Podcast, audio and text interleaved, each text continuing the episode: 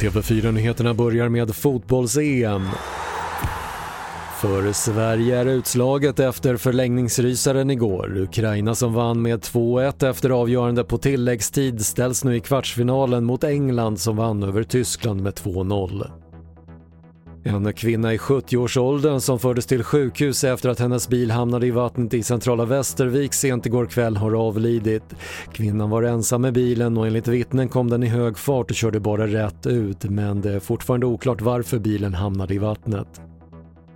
För tredje dagen i rad har värmerekord noterats i Vancouverområdet i Kanada där 49,5 grader uppmätts. Minst 134 personer ska ha avlidit sedan i fredags på grund av den extrema värmebölja som väntas hålla i sig ett par dagar till. Och en ny studie i tidskriften Nature visar att Pfizers coronavaccin kan ge skydd i flera år.